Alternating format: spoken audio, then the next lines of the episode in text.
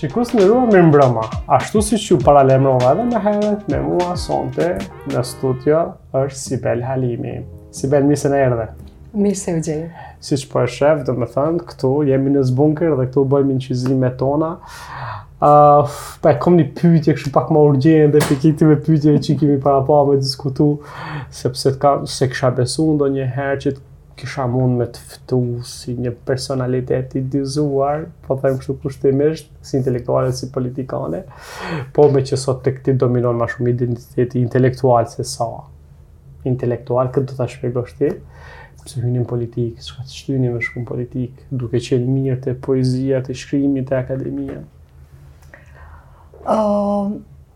kur arrin një pjekuri n'kuptimin intelektual edhe në fushën e letërsisë, edhe në fushën e sociologjisë dhe filozofisë, pastaj konsideron që është nevoja që të përfshihesh në politikë, sepse mendoj që përfshirja në politikë është ajo hallka e fundit, që e, e, e kompleton uh, qasjen mënyrën se si uh, e shohim shoqërinë, domethonë, pa u përfshirë në politikë nuk mund ta shohim uh, funksionimin e shoqërisë uh, si, uh, si tërsi, domethonë, edhe arsyja pse jam hy në politikë është pikrisht dhe uh, meqë kontributi, domethonë, për të dhënë një kontribut, uh, e cila nuk, nuk Domethënë patjetër që edhe jam zhvesh nga ky identiteti i të qenurit poete, sociologe, domethënë edhe ndoshta kjo është përparsia që në Lidhjen Demokratike të Kosovës, domethënë nuk hyn për t'u shndërruar apo për t'u transformuar në një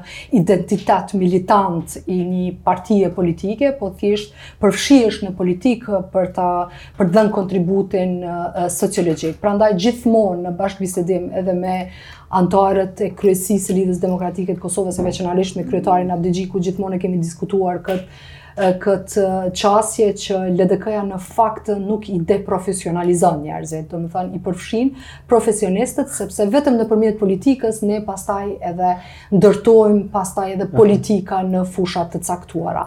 Tash, në njërën anë kemi një uh, ekspertizë të caktuar edhe në fushën e studimeve gjinore, sociologjike, filozofike, uh, të poezisë, në anën tjetër i gjithë ky bagazh transformohet në një parti politike që derisa flasim teoretikisht në këtë dimension kalojmë në pjesën praktike, ajo në ndërtimin e politikave, edhe në ndryshimin e shoqërisë tani jo vetëm duke interpretuar, jo vetëm duke i trajtuar fenomenet apo dukuritë shoqërore, jo vetëm duke i poetizuar përditshmërinë e njerëzve, halleve, derteve, po tani kalojmë në veprime konkrete. E tash, është identifikuar problemi në aspektin sociologjik, tani si ta kanalizojmë, si ta adresojmë ndryshimin. Domethënë, në këtë dimension, mendoj që është një kombinim jashtëzakonisht i mirë, sidomos ne që vijmë nga shkencat humane dhe sociologjike, domethënë kur përfshihemi në politikë, sepse tani konsiderohet që jemi njohës të mirë të shoqërisë, jemi, kemi identifikuar problemet, ballafaqimet të cilët i kanë qytetarët në përditshmëri dhe kalojmë në politikë pastaj për t'i ndërtuar këto politika dhe për të ndryshuar Gjersa po flisje, më bëri përshtypje, më bënë përshtypje dy gjëra, ok, nuk do të flasim për partitë politike, po bëre një lloj distinksioni mes partisë që ju i përkisni dhe politikës në përgjithësi, e para e dyta, më bëri përshtypje uh, fjala përfshirë që e përdor në pësore, mm. përfshihesh, dhe qysh, Uh, nuk është krejt vullneti jot, është diçka dhe e jashtme, po dhe e brendshme. Domethënë është dhe subjektive, po dhe diçka është objektive që të shtyn nga jashtë. Por, Politika ka një imazh të keq në diskursin tek ne publik, imazh të keq. Jo, po e ka një lloj imazhi sikurse njeriu kur don të përfitojë politikën e ka një lloj shortcut-it, një lloj rruge të shkurt për të arritur ndonjë qëllim të caktuar. Zakonisht kjo është mbizotnuese si ide. Plus që tek gratë, a, politika është dyqysh e koncepton gruan më tepër si trup. Do të thonë ne kemi rastin çështjen e përqindjeve për shembull. A se gratë duhet apo a janë përfshira në politikë? Ti ke hyrë në politikë si grua fillimisht, pse ne përmendëm identitetin intelektual, ke hyrë për ndonjë çështje le të themi kauzë se nuk është term shumë i majtë për ta përdorë, apo vërtet ke hyrë në kuptimin le të themi më aristotelian të fjalës për të rregullu polisin tonë.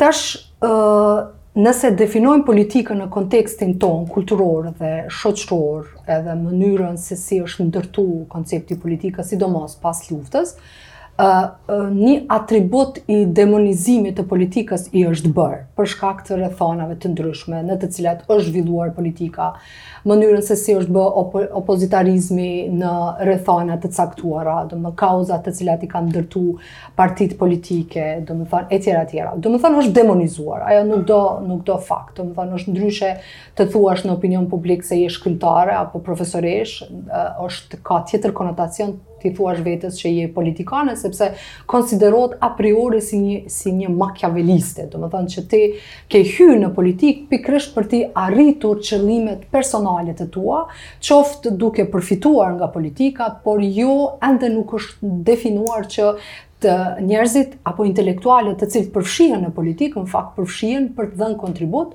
edhe për të kaluar në një dimension tjetër ajo për të cilën biseduam pak pak më herët. Mendoj që të thuash përfshirja e grave në politikë për mua është një koncept jashtëzakonisht kompleks sepse asnjëherë nuk thuhet përfshirja e burrave në politikë. Domethënë, gjuha ka shumë rëndësi në mënyrën se si fakt shoqëria apo të gjitha këto formacione e trajtojnë përfshirjen e grave e grave në në politikë. Mirëpo ë nuk do të pajtohesha me faktin që Kuotat janë një një lokalizim vetëm trupor i përfshirjes së grave në në politikë, në momentin kur është përcaktuar fillimisht 30% të përfshirjes së grave në politikë ka qenë jo vetëm për t'i përfshirë ato si trupa, po thjesht për t'i përfshirë si perspektiva, të cilat ato e shohin shoqërinë, zhvillimin e shoqërisë, domethënë prej perspektivës uh, gjinore. Domethënë këtu Këtu qëndron uh, problemi, domethënë, uh, gratë, jo domosdo përfshirja e grave në politikë, jo domosdoshmërisht duhet që t'i detyrojë ato që të merren me çështjet e grave. Domethënë, sepse çështja gjinore, perspektiva gjinore, duhet të jetë e përfshirë në gjithë sistemin e organizimit të shtetit. Domethënë, që nga hartimi i politikave, deri tek monitorimi edhe deri tek zbatimi. Domethënë, uh, përfshirja e grave, ka qenë e domosdoshme nëpërmjet kuotës. Natyrisht sepse ne në esencë domethënë, kemi pa që zhvillimi i shoqërisë tonë, sidomos në periudhën e pala, para luftës se ne kemi kështu pikë reference, periudhën e pas si luftës, para Krishtit para dhe para Krishtit, luftës, po. po, po e them, atë mënyrën se si, domethënë, është ndërtu kjo ideja për t'i përfshirë gratë në politikë nëpërmjet kuotës, sepse ka qenë e domosdoshme. Shtrohet çështja tash, A duhet ende ne të vazhdojmë me kuotën, domethënë, edhe uh, megjithatë mendoj që pavarësisht që kuot, kuota ka sjellë efekte pozitive, sepse e ka mësuar shoqërinë uh, që politika nuk është vetëm një domen i burrave, ku flasin edhe, edhe kundrojnë botën nga një perspektivë e, e tyre, por e kanë mësu, i kanë mësuar fëmijët, të rinjtë, burrat e gratë, që gratë mund të ofrojnë mund të jenë një personazh subjekt i rëndësishëm i politikëbërjes në në vend. Kështu që tani kemi shumë gra të cilat janë votohen nga nga shoqëria kosovare pikërisht si rezultat edhe i kuotës, sepse shumë gra edhe pse kanë hyrë nëpërmjet kuotës, ato e kanë treguar veten edhe kanë sjellë rezultate për përfshirje sa më të madhe të grave në në partitë politike. Mirëpo në anën tjetër, shoqëria nuk i ka kursyer edhe nga nga qasja që gratë janë vetëm numër, gratë janë vetëm trup, domethënë aspekti i kodifikimit të përfshirjes së grave në politikë ka qenë, domethënë, me numra. Domethënë, ato janë kuantitet, po nuk janë kualitet. Asnjëherë, në shoqërinë tonë, për shembull, nuk i është vu fokusi te çështja e kualitetit të burrave, të cilët kanë qenë 70 për qind.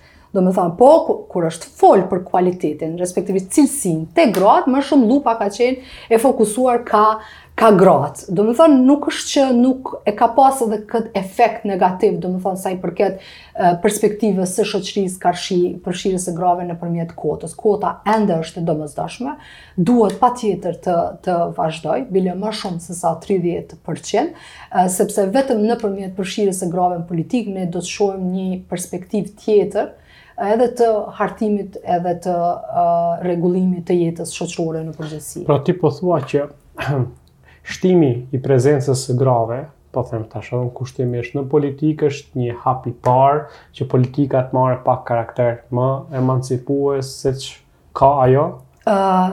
Prapë është, kur trajtojmë përfshirjen e grave, jo vetëm në politikë, po edhe në media, edhe në shumë formacione të ndryshme shoqërore, do ta kemi një kufi kritik mes asaj çka është stereotip edhe çka është e vërtetë. Domethënë shpeshherë, ne duke thënë që përfshirja e grave në politikë sjell, për shembull, në uljen e korrupsionit ose merren më shumë me çështjen e mirëqenies sociale, ne kemi stereotipizuar rolin e saj. Për mua është shumë e rëndësishme që sot gratë të përfshihen në politikë, jo vetëm ma si gjini, edhe pse kuota duhet të ekzistojë, po duhet të ketë një identitet individual dhe profesionist.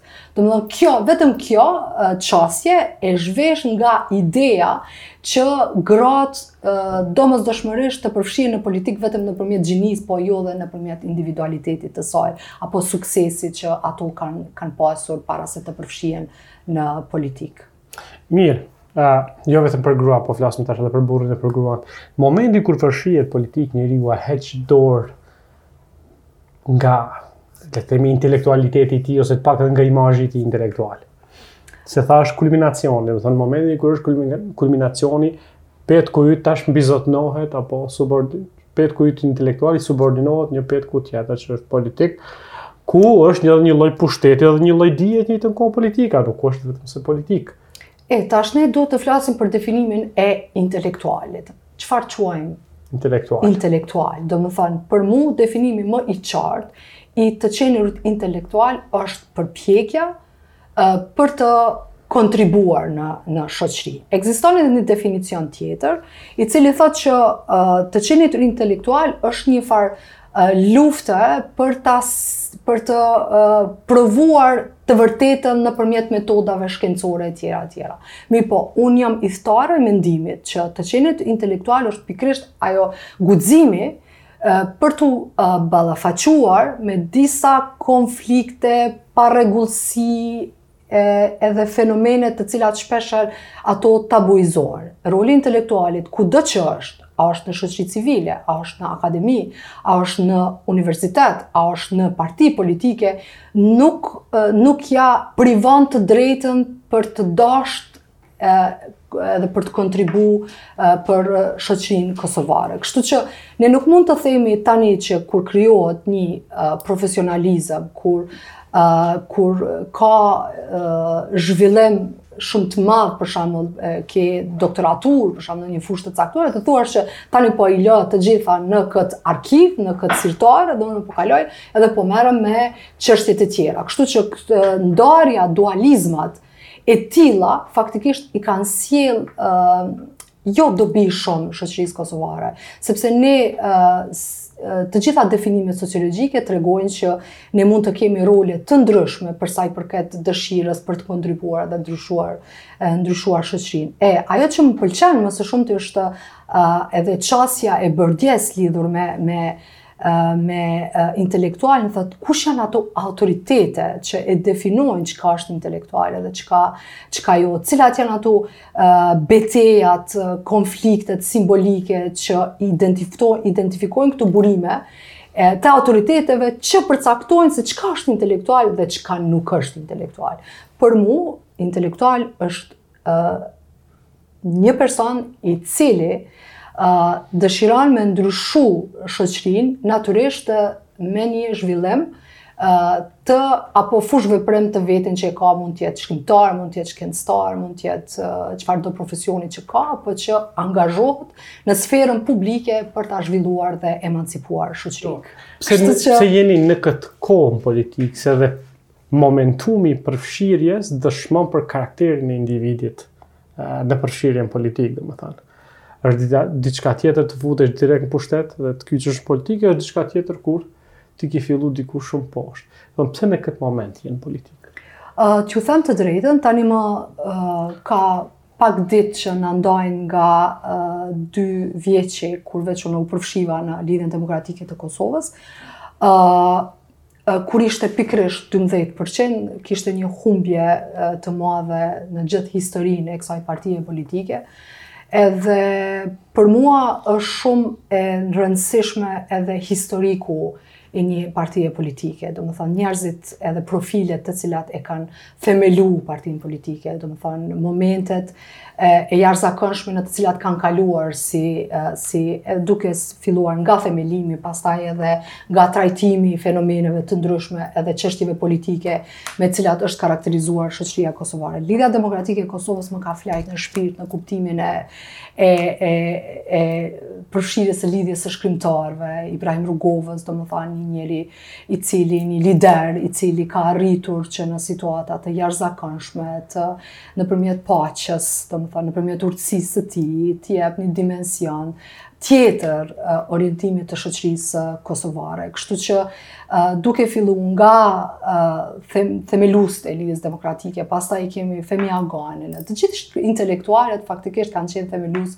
të Lidhjes Demokratike të Kosovës në krye me Dr. Ibrahim Rugovën edhe kjo gjithmonë më ka flejt, domethënë sepse LDK megjithatë ka arritur që ta ruajë gjuhën e arsyes falë këtyre themeluesve dhe falë këtyre njerëzve të cilët kanë dalë nga bota e letërsisë edhe bota e shkencës edhe akademisë në në përgjithësi. E tani, kur ndodhën këto ndryshimet e mdhaja, erdhi në krye, domethonë, kryetari Abdixhiku, dhe pastaj diskutuam së bashku lidhur me, lidhur me mënyrën e se si do ta bëjmë politikën, Pastaj qasja e tij, vizioni se si e kishte për zhvillimin e shoqërisë dhe ndryshimin e politikëbërjes në Kosovë, diskutuam bashkarisht që uh, mund të bëjmë diçka të mirë për, për vendin. Domethënë, për mua nuk është fare me rëndësi, që të përfshihem në politikë uh, domosdoshmërisht të hyj direkt në pushtet. Për mu, uh, edhe për madje edhe për shumicën e anëtarëve të LDK-së është që ne nuk luftojmë për pushtet për hir të pushtetit, po sepse sot duam të hartojmë një program qeverisës, i cili uh, zhvillon vendin edhe e ka një vizion të qartë ku dëshiron ta shohë Kosovën pas 10 viteve, pas 20 viteve. Domethënë, politika nuk duhet më të jetë vetëm një politikë ditore, vetëm sa për klika, apo sa për të krijuar uh, spektakël, apo për të shfrytëzuar fatkeqësitë, dhembjet e njerëzve, pastaj për të ndërtuar edhe kauza uh, fiktive dhe artificiale. Uh, është brengosëse fakti për shembull që shpeshherë edhe diskutojmë me miq dhe kolegë, domethënë ideja që edhe në shekullin 21, domethënë, sidomos në kontekstin tonë shoqëror, politik dhe kulturor në të cilin gjendet Kosova me ndërtu kauza. Domethënë sot politika politikës nuk i takon me ndërtu kauza. Politikës i takon me u marrë me problemet e qytetarëve domethënë për mu kjo është kruciale, domethënë, kur, me, kur hyn në politikë, eh. është të merresh me përditshmërinë e qytetarit. Në njëfarë forme kemi një fenomenologji të politikës, fenomenologjia nënkupton përditshmërinë, domethënë me u marrë me hallet edhe brengat e qytetarëve. E tash, çfarë ndodh, Nëse tash ne në këtë pozitë në të cilën jemi, të ndërtojmë disa kauza fiktive vetëm e vetëm për të ardhur në në pushtet. Jo, absolutisht. Kjo për mua është komplet e pa e pa arsyeshme sepse këta qytetarë dhe ky vend ka nevojë për politikanë racionalë. Kur them politikanë racionalë, e kam fjalën që më Nuk guxojmë t'i manipulojmë. Nuk guxojmë t'i mashtrojmë. Vetëm nëpërmjet një platforme të re qeverisëse, vetëm me një program konkret, ne kemi me ndryshu edhe atë qasje negative që e kanë qytetarët ndaj politikanëve dhe politikës në, në përgjithësi. Domethënë, kjo për mu është kruciale. Domethënë, për Me i dhonë një kahje tjetër. E nisëm bisedën me trupin, domethënë, edhe ti po thua që politika merret me mirëqenje, problemet e qytetarëve. Por, në konceptin e saj të thellë, politika është një lloj administrimi i jetës, ma shumë preokupohet me biologjikën tonë, preokupohet me trupin tonë. Domethënë, ne kur e kuptojmë që atë mirëqenjen, eudaimoninë e Aristotelit, ne mendojmë për me pas, domethonë kushtet e mira me pas pare, me jetu mirë. Biologjikja jonë me qenë, ha, me pas një vijemësi që, si qenje. Ti vjen nga fushat sociale, vjen nga shkencat sociale, filozofia, sociologjia dhe merresh, vazhdon të merresh me këtë çështje. Tash ti ki prej këto dy, atë edhe andej dhe këndej. A e ndjen në politikë rëndesën, t'i themi ashtu, të stërtheksimit të trupit si realitet përfundimtar. Ne shumë pak e kemi vu në fokus në fakt trupin. Shumë pak kemi diskutuar. Ndoshta edhe kjo nuk pritet prej politikës të, të, të flet, ta vëjë fokusin tek politika, po merret me vlera që shfrytëzon trupin pastaj për t'i promovuar apo për t'i për t'i dhënë identitet qëndrimeve vlerore apo orientimeve në përgjithësi. Mendoj që jo vetëm në politikë, po në shoqëri, në përgjithësi, domethonë të gjitha vlerat shpërfaqen nëpërmjet trupit. E keni pa, domethonë, se si ndërtohet standardi i bukurisë, te gratë, te vajzat, domethonë, e keni pa se si uh, në shoqëri patriarkale kërkohet që burrat ta kenë një uh, konstrukt të caktuar të trupit. Mm -hmm. uh, e keni pa se si për shembull nuk i lejohet madje të qajnë burrat sepse konsiderohet dobësi, gratë të jenë ma shumë të përfshira në sferën private sesa në atë uh, publike. Mirëpo, në esencë, uh, trupi është politik, trupi nuk është personal. ashtu siç Nuk të përket vetëm ty, ja? Jo, absolutisht, nuk është, sepse të gjitha politikat ndërtohen në fakt për të për të krijuar këtë hendekun në mes të publikës edhe edhe privatës. Edhe unë para se të hyj në politikë kam diskutuar dhe jam jam marrë shumë me çështjen se si partitë politike, ë uh, sidomos partia në pushtet është marrë me pushimin e lehonisë. Domethënë, se konsiderohet po, po, që po, gruaja po, po, identifikohet... Po ta hapi veç një kllapë këtu, po. se kemi pas ato deklarata që uh, vrasja e asaj gruas që ndodhi tek spitali, ne kemi dy shqiptarë më pak. Të thuash për shembull dy shqiptarë më pak, është dy trupa më pak, sepse ne mund të futemi në një luftë edhe kemi dy trupa më pak. Dhe prapë se prapë te trupi, si, ne jemi të interesuar për trupin. Po, pikërisht, domethënë... Edhe lehonin që e përmendon. Po, domethënë trupi... Neve politika po na çon te trupi. Absolutisht, jo, jo po na çon, po është, është politika. Është në trup, në fakt, po, po kur po flas tash si diskurs, këtu si po, debat. Po, domethënë, vetëm ne e dekonstruktojmë, domethënë, e, e, e fokusojmë trupin edhe e shohim se si e gjithë shoqëria funksionon përreth trupit.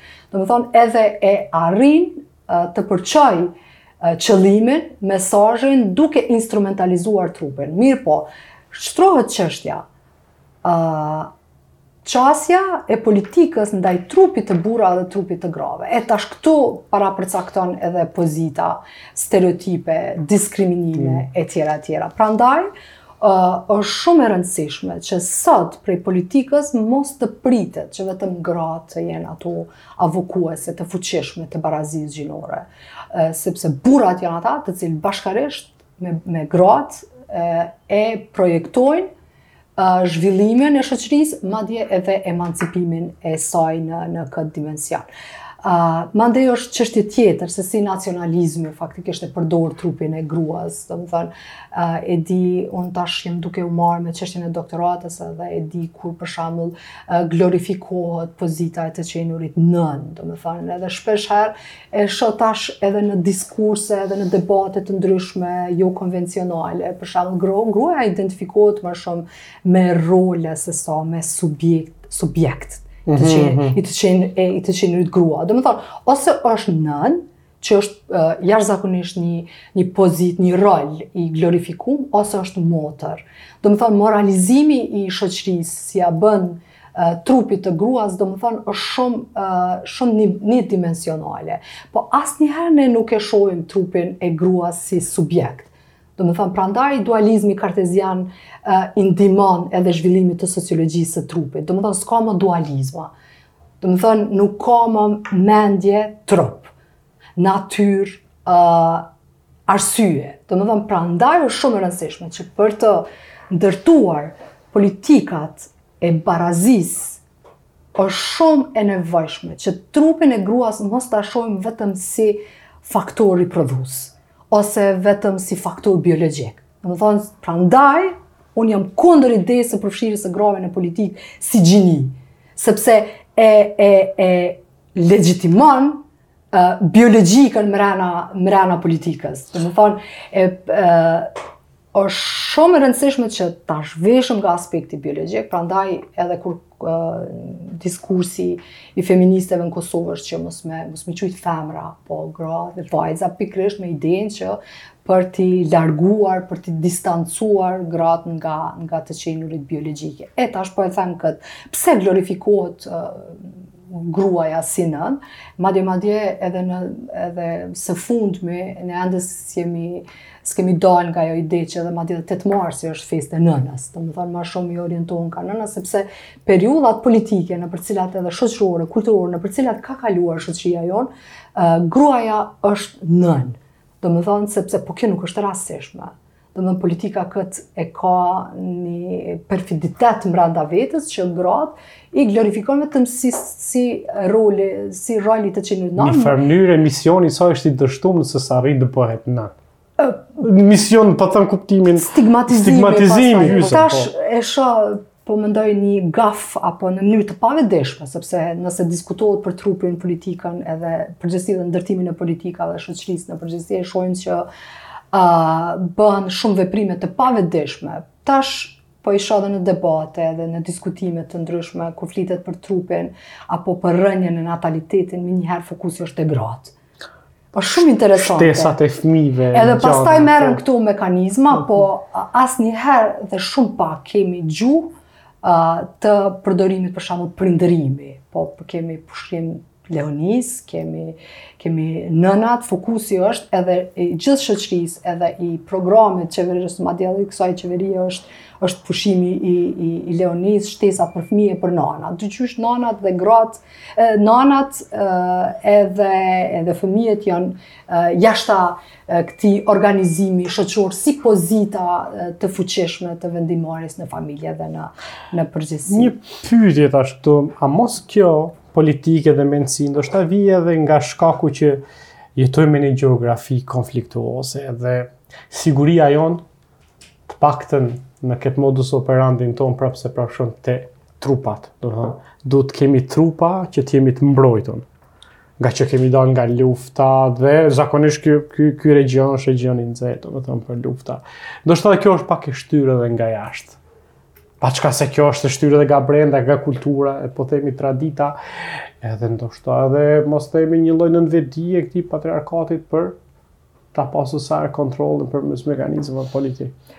Uh, është interesante fakti që i përmendëm këto role sociale që shoqëria i ka në diskursin e përditshmërisë së vet, mirëpo në anën tjetër tani kemi edhe një fenomen tjetër, uh, që ne duhet patjetër të diskutojmë, është çështja e standardit të së bukurës, ose trupit ideal të grave.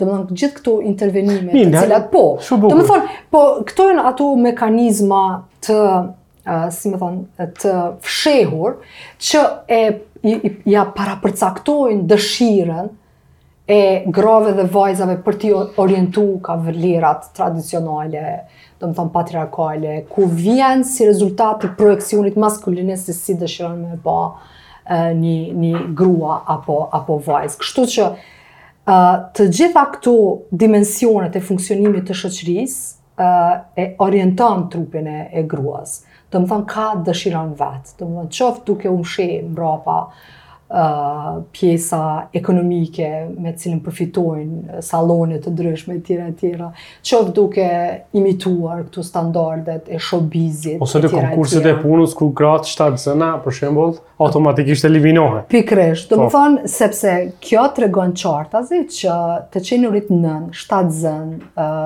është një sferë e veçantë për gratë, është sfera private edhe nëse unë nuk jam për t'u mos marrë me çështjen e, e, e, e grave, sepse sigurisht burrat nuk mund të lindin, apo jo, ko, nëse e dekonstruktojmë deri në këtë nivel e, diskutimin, mirëpo Shteti është ai i cili, gjuha është ajo e cila i, i e, i, i ridefinon këto koncepte bazike të organizimit të jetës familjare. Prandaj nuk e qun uh, e qun prindërim edhe harton politika që edhe, edhe baballarët të kujdesen për, për fëmijë. Domethënë, mos të jenë vetëm gratë ato të cilat uh, e kanë barrën kryesore, jo vetëm në rritjen e fëmijëve, e, e po edhe edhe në punën e papagume brenda brenda familjes. Për shembull, janë studime, qindra studime që po bëhen në Kosovë, domethënë me idenë që uh, gratë kujdesen edhe për për uh, anëtarë të tjerë të familjes, uh, rritin fëmijë, po nuk ka vlerë, nuk ka çmim, a ndërkaq ajo sakrifikon gjithë jetën e saj për këtë për këtë rëndësi të, të jetës familjare. Ndërkaq, shteti domethënë nuk merret me këtë çështje. Domethënë fare. Prandaj sepse i konvenon në një formë apo tjetër gratë të jenë në, në shtëpi. E për ta përmbyllur edhe njëherë në fund me trupin. A, a mund të tejkalohet trupi si realitet? Që unë pa po përdor si realitet përfundimtar. A, Ose si mund të bëhet kjo më mirë nëse mund të bëhet përmes angazhimit të vërtetë politik, angazhimit në shoqni civile, apo angazhimit nëpër kauza të ndryshme mediatike e sensibilizuese. Se folëm për emancipimin, cila do të ishte rruga më efektive, më e mirë. Duhet të mbesim në uh, trup, okay. në kuptimin e dekonstruktimit të qasjes që ka shteti, karshi trupit të, unë e flas me kompetencë vetëm për çështjen e trupit të grave, sepse mendoj që shteti në esencë do me ardh qet patriarkal karshi, karshi grave. Domethanë kur them trupi grave, e them në një formë apo tjetër, fatin e saj, kuptimin Duhet të kemi një dekonstruksion të dyfishtë ndoshta, dekonstruksionin e superioritetit të trupit të burrave dhe dekonstruksionin e inferioritetit të trupave të grave. Nuk mund t'i ndajmë, prandaj dualizmi kartezian ka po, ndihmuar. Po, po, po, po, nuk mund të Për momentin logjika e veprimit, jo modus operandi, kjo është domethënë se po. Uh, ky, si me thanë, dikotomia dualistike është diçka e kalume, se jemi po. në postmodernitet, një farë mënyre, është tejkalu kjo po, problem i modernitetit. Po megjithatë, po, po, po shërbejnë si terma meqë zakonisht ne krijojmë këtë po-jo-në, njohim bardhën zezën. Pa, po, sepse po. jemi duke trajtu një, një temë e cila është uh, abstrakte, ndoshta për shoqërinë, kuptimin e qasjes që po ia bëjmë trupit. Mirëpo, ne nuk, kur flasim për trupin, domethanë po flasim për subjektin. Nuk po flasim trupin si objekt. Objekt fix. Por po flasim si Absolut. subjekt. Prandaj edhe kjo mundet me, me, me, me orientu zhvillimin e, e shoqërisë tonë, uh, karshi uh, mënyrës se si e sheh uh, trupin si subjekt më shumë sesa si objekt. Vetëm nëpërmjet uh, kësaj logike, mendoj që do ta do të arrihet, do të arrihet barazia dhe pastaj ne do të flasim për çështje të tjera, po jo ma për gjininë si, si një mënyrë e përfshirjes së grave po e zëmë në, në formacione të ndryshme të, apo të caktuara. Prandaj për mua shumë e rëndësishme që studimi për trupin na jep të kupton, kuptojmë, domethënë, funksionimin e shoqërisë në përgjithësi, Edhe është një një mënyrë edhe të dëshifrimit të rolit të shtetit karshi edhe familjes edhe shoqërisë në përgjithësi. Sibel, faleminderit që ishe me mua sonte. Faleminderit shumë për ftesën dhe për këtë bashkëbisedim të jashtëzakonshëm. Uroj që të shihemi edhe herave të tjera, po koha kaq nuk na premton më tepër. Uh, ty të dëshiroj sukses në politikë edhe ndoshta një ditë i bie Shmon, edhe kthehesh prap në akademi. Unë jam aty. E di që je, po po de me tërë qenien ashtu. Mirë, faleminderit shumë. Faleminderit. Shikues të nderuar, fatkeqësisht erdhëm në fund të një emisioni tjetër, uroj të keni kaluar mirë e mirë. Mua s'po më mbetet tjetër, vetëm t'ju përshëndes, t'ju dëshiroj natë të mirë, mirupaf.